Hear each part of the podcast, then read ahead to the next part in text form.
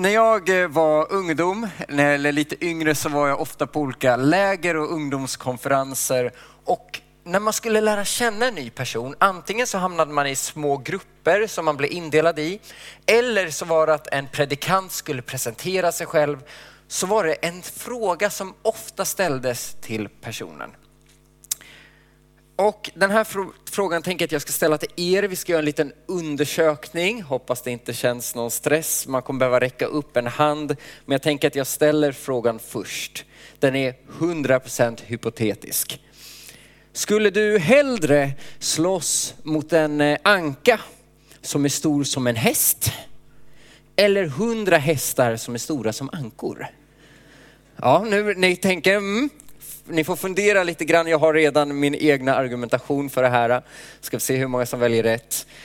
Um, så, alla som tänker att man hellre slåss mot en anka som är lika stor som en häst kan räcka upp en hand. Ja, ändå, ett tag, ja, ja, jag ser några. Hur många känner att man ville slåss mot en, en häst, eller hundra hästar som var stora som ankor? Okej, det var betydligt fler på hästsidan. Eh, jag vill ändå säga grattis till er som valde hästarna. Personligen så tycker jag att ankor är lite obehagliga. De har ju bemästrat vatten, land och himmel. Hästarna vet jag, de kan nog inte simma så bra. Um, är det? Okej, okay, jag kan inget om hästar. jag tänkte att när de blir mindre så blir de inte så farliga längre eller något sånt där. Uh, Nej men jag tycker att det är ett spännande tankeexperiment för att plötsligt någonting som är så stort, jag har extremt mycket respekt för en häst. När man vet att ens mankhöjd är lika höjd, hög som jag så tänker jag aj, aj, aj. Men jag har respekt för hästar. Och sen tänker jag, oj hur skulle den vara när den var så liten? Och så är det likadant tvärtom, det är ett intressant tankeexperiment att en liten anka plötsligt är stor som en häst. Um, vi kommer inte testa hur det är förresten att slåss mot de här, kan vara bra att veta. Jag tänker att vi ska hoppa in ett bibelord vi ska vara lite grann i. Vi kommer komma tillbaka till ankorna och hästarna om en liten stund. Eh, men vi läser ur Johannes kapitel 1, vers 1 till 5. Där står det så här.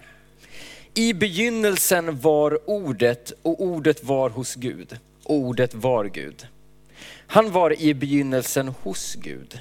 Allt blev till genom honom och utan honom blev ingenting till av det som är till. I honom var liv och livet var människornas ljus. Och ljuset lyser i mörkret och mörkret har inte övervunnit det. Häromdagen skulle jag bära ner en låda till eh, mitt förråd i källaren. Eh, det är ett klassiskt 70-talshus, så när man kommer ner till den här korridoren så eh, är det bara betongväggar, allt som man kan se. Det finns en del som är lite mer modern. Så när man stiger ner så tänds lamporna perfekt direkt och man känner sig trygg och säker. Och sen kommer vi till min förrådsdel. Då är det en stor och tung dörr som är där för att skydda från inbrott. Man får låsa upp den och man drar upp den lite tungt och så minns jag att jag gick in och snabbt stängdes den bakom. Boom! Jag är i en källare fylld med bara betongväggar och ingen lampa slås på direkt. Jag är ganska ny i den här lägenheten, så, eller i den här ja, lägenheten, så jag är inte så van vid eh, vart lampknappen är. Så att muskelminnet fanns inte där. Jag tryckte och hade fel. Och tryckte igen och hade fel. Och till slut hittade jag lampknappen. Det tog kanske bara fem, kanske tio sekunder. Men när det är totalt mörkt, då känns det ibland som att tiden går mycket, mycket långsammare. Det kändes väldigt skönt när ljuset plötsligt kom till och jag kunde se mitt förråd och hela den här liksom korridoren. Men det var ändå ett tillfälle då jag tänkte, oj, nu är jag nästan lite orolig. Det står här att i honom var liv och livet var människornas ljus. Och ljuset lyser i mörkret och mörkret har inte övervunnit det. Jag tror att det här bibelordet vill ge oss ett perspektiv på hur Gud ser på liv. Jag tror inte det handlar om att oj, du kan inte leva om du inte tror på Gud. För det tror jag man kan göra. Men jag tror att Guds perspektiv är så mycket större och så mycket mer överflödande än vad jag själv faktiskt kan förstå. Jag tror att det inte är menat att vi ska leva ett kort liv här på jorden som tar slut och det är fyllt med mörker, kamp och allt känns skit. Utan jag tror faktiskt att Gud vill komma med ljus in i mörkret. Jag tror att han vill komma in med sitt tidsperspektiv av evigt liv, ett liv som får flöda över. In där man kanske tänker, oj, här finns det inget liv. Om det är så att du just nu går igenom en tung period, en period som känns som att den är mörk, om det är så att du har problem hemma, i familjen, i äktenskapet, på jobbet eller till exempel i skolan, så vill jag säga att jag tror att Gud vill komma med ljus in i en mörk situation. Jag tror att han vill komma in med liv i en situation som man har trott varit död.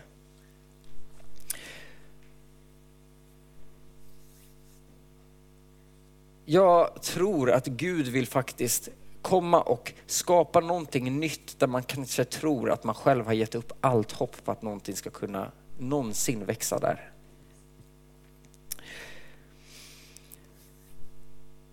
Vi, eh, det här bibelordet, i begynnelsen var ordet, är ett ganska spännande bibelord för att det pratar med resten av bibeln.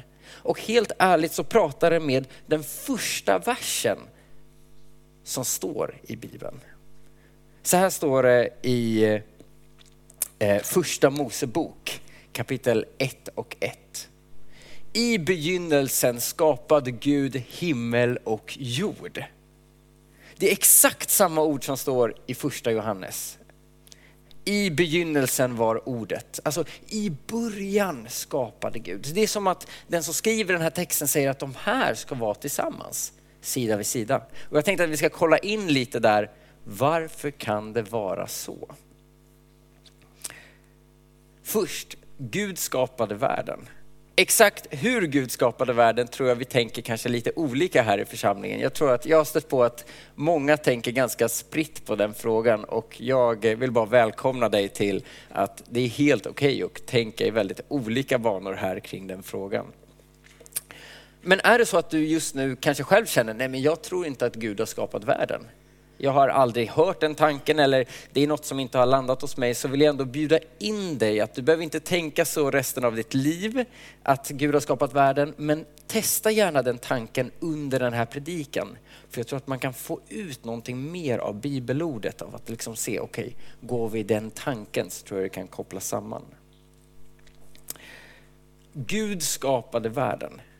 Ibland så, eh, jag har kollat på en del forskare som fokuserar på extremt specifika saker om typ eh, hur atomer eller hur kroppen fungerar, hur matsmältningen fungerar, eh, hur vissa bakterier rör sig i relation till andra och allt jag kan förstå är att det är extremt komplext. Och i det här så står det att Gud skapade världen, att Gud har hela världen i sin hand. Bilden av Gud är gigantisk. Om Gud kan skapa en atom och sen skapa alla människor och jorden och universum som är runt omkring, då borde ju Gud vara verkligen gigantisk. Världen är, är komplex och en predikant som jag brukade lyssna till mycket förut heter Francis Chan. Och han ofta sa den här tanken, nu är det inget direkt citat för att det här sa han under många predikningar. Han sa, innan du ber, ta fem sekunder eller tio sekunder eller 15 sekunder och tänk på Gud, hur stor han faktiskt är. Alltså hur extremt om, om Gud kan hålla sin vär, eh, hela världen i hans hand. Tänk vem du talar till. Och först är den tanken hos mig lite så här, oj, vilken gigantisk Gud. Det, det, blir så att jag inte ens kan sätta in honom i en box. Jag kan knappt hitta till, liksom, in till stan genom att bara gå. Att förstå hur stor Gud är, det är oändligt komplext. Förut brukade man säga, och man säger det väl fortfarande, att Gud har skrivit två böcker. Den ena i Bibeln och den andra i skapelsen. Man kan hitta berättelser om Gud i båda. Skapelsen berättar lite mer, det finns en Gud och Bibeln berättar vem den guden är. Jag tror att Gud håller allt i sin hand och det är en, med Guds storhet går inte att förstå. Vi hoppar vidare i det här bibelordet i Johannes, så står det i vers 14 så här. Och ordet blev kött och bodde bland oss. Vi såg hans härlighet och den härlighet som den enfödde har för Fadern. Och han var full av nåd och sanning. Nu kommer vi in i det som jag helt ärligt tycker att det är det mest spännande med varför jag tror den här författaren tycker att det är viktigt att koppla ihop det här bibelordet med skapelsen. Jag tror att den vill säga, Gud är stor så att han har skapat allt. Han har format allt, han har allt i sin hand. Och samtidigt så blir han kött och blod. Det står att ordet blev kött och blod, det de pratar om är Jesus. Pratar om att Jesus föddes till den här jorden. Innan vi går in på allt som Jesus gjorde tänker jag att det kan vara viktigt att bara tänka att Jesus faktiskt var en, en bebis. Ett, ett barn som, som existerade. Om Gud hade velat hade han kunnat skicka ner en, en 30-åring direkt från himlen och inte behövt gå igenom det här lilla. Men jag tror att det finns något extremt vackert i hur Gud säger att trots att han är så stor så blir han ett litet barn. Han blir en flykting under några år. Han lever med syskon och vänner och sen börjar gå ut och betjäna människor.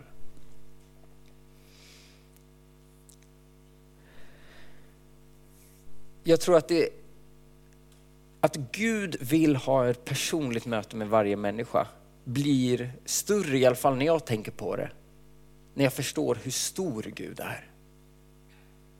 Att trots att Guds storhet är så, vad säger man, oinboxbar, så vill han ha ett personligt möte med dig och med mig. Det är som att, att vi väntar på advent, att Jesus ska födas. Det blir större när Gud är stor. Kanske ganska logiskt att säga. Större när Gud är stor. Ja. Det finns en kvinna i Bibeln. Hon heter Hagar. Hon fick en son som hette Ismael och blev utkörd från där hon bodde. Hon trodde att hon var totalt överlämnad och sträckte sig desperat efter Gud. En kvinna som skulle kunna gått ner i historien som totalt övergiven. Men så får hon möta Gud under ett litet, litet tillfälle. Där hon förstår att han ser henne. Och hon väljer att ge honom ett namn och hon säger att du är den som ser. Och jag tycker att det är så vackert med Bibeln som beskriver Gud som totalt stor. Men också den som ser individen. Och de här sakerna verkar inte stå i motsats med varandra. Utan verkar vara någonting som finns hos Gud. Eh, ankan och eh, hästen. Jag har svårt att tänka mig en anka lika stor som en häst. Och jag har faktiskt personligen lite svårt också att tänka Gud som stor som blir liten. Eller en häst lika stor som en anka. Jag tror att det tankeexperimentet är, det är svårt. Men jag tror att det visar någonting om hur stor Guds kärlek är för varje människa. Att trots hans storlek väljer att stiga ner och bli människa. Vi firar advent för att vi väntar på julen. väntar på att Gud ska säga, jag stiger in i historien. Jag kommer in och vill vara en del av mänskligheten. Ni ser att det finns mörker, vi ser att det finns skit, det finns mycket som bara tynger ner och trycker ner. Och det vill Gud bara ta bort. Han vill stiga in med sitt ljus. Allt blev till genom honom.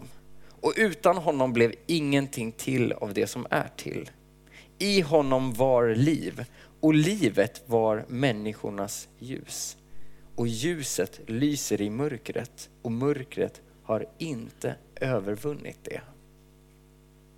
Om du sitter i en situation där du tänker, var är Gud? Då hoppas jag att du idag, eller kanske de kommande veckorna kan få uppleva att Gud faktiskt ser.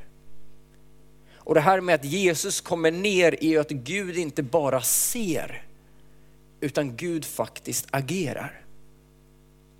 Jag tror ingen hade kunnat föreställa sig att Gud skulle bli ett spädbarn. Eh, är det någon som har fått Pampers reklam? Nej, ingen. Jag har upptäckt att ryggbajs är en grej. Jag vet inte var, varför jag har börjat få massa, alltså inte hos mig själv. Eh, det kan vara bra att säga. Utan jag har fått massa bebisreklam av någon anledning. Jag tror att jag stängde av den här automatisk eh, eh, få vad jag vill och så får jag istället all reklam. Och då har jag plötsligt fått reklam för blöjor som motverkar ryggbajs. Ett koncept jag inte visste fanns. Ni föräldrar kanske vet. Och vissa får lite dåliga minnen. Men Jesus blev ett barn. Jesus blev en människa. Gud steg in i historien och var en del av vår vardag på ett sätt som faktiskt vi också har varit. Han har gråtit, han har ätit, han har varit arg, han har varit ledsen. Han har varit hungrig, han har varit trött. Det är en konstig ekvation om hur Gud som är skaparen av allting, han som är outtröttlig, ligger och sover i en båt. Det är ett bra tankeexperiment och jag är glad att vi har några söndagar kvar innan Jesus föds så att man får ta den tanken några varv. Men Jesus blir människa. Han är världens räddare och gör det på ett sätt som kanske inte människor förväntade sig att det skulle bli. Står du i en situation som känns mörkt eller en situation som är fylld med död där du känner att det inte finns liv så vill jag också bara säga att Gud kanske löser den situationen men kanske inte på sättet som man själv tänker från början. Jag tror att inte många förväntat sig att Gud skulle bli ett spädbarn som fick födas i ett, ett litet stall och som fick växa upp som flykting till Egypten och som fick komma tillbaka och lära sig hantverk och ja, allt sånt där.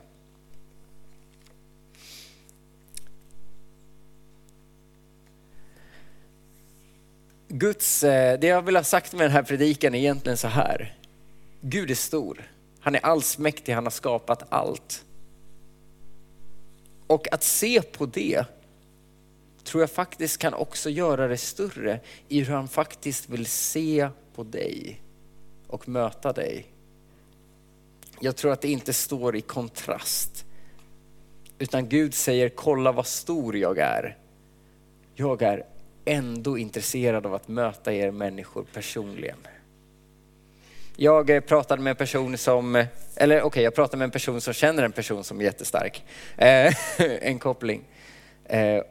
Och den sa så här att det är intressant hur den här personen är så superstark men ändå så snäll. Och jag tänker att den upplevelsen kan man verkligen få göra med Gud. Han håller allt i sin hand. Men ändå är han så god. Och han är intresserad att där det finns mörker vill han komma in med ljus. Och inte för att skrämma bort, utan för att komma med liv. Lovsångsteamet, ni kan komma upp. Ehm, vi kommer fira nattvard lite senare och nattvarden är att bland annat att minnas det Gud har gjort. Att Gud blir en del av historien och ge sitt liv för varje människa. Jag tänker att vi, eh, eh, vi ber en bön, sen kommer vi få höra en, en lovsång innan vi går in i nattvarden. Tack Herre för att du är en stor Gud. Tack så mycket för att du har, ja, men du har skapat världen. Du vet hur allting fungerar och du ser hur vi försöker förstå saker med atomer och med matematik och forskning och allt sånt där. Och jag, jag tackar dig för att du har full koll. Tack för att din storhet inte är i kontrast till att du vill möta oss utan att det bara visar på vilken god Gud du är. Du ser de som står med, ja men kanske känner ett mörker på insidan eller hemma eller i skolan. Jag ber att du ska få komma in med hopp, med frid och med ett ljus där. Tack för att du blev kött. Du blev människa. Helige Ande, vi lägger den här stunden i dina händer. Amen.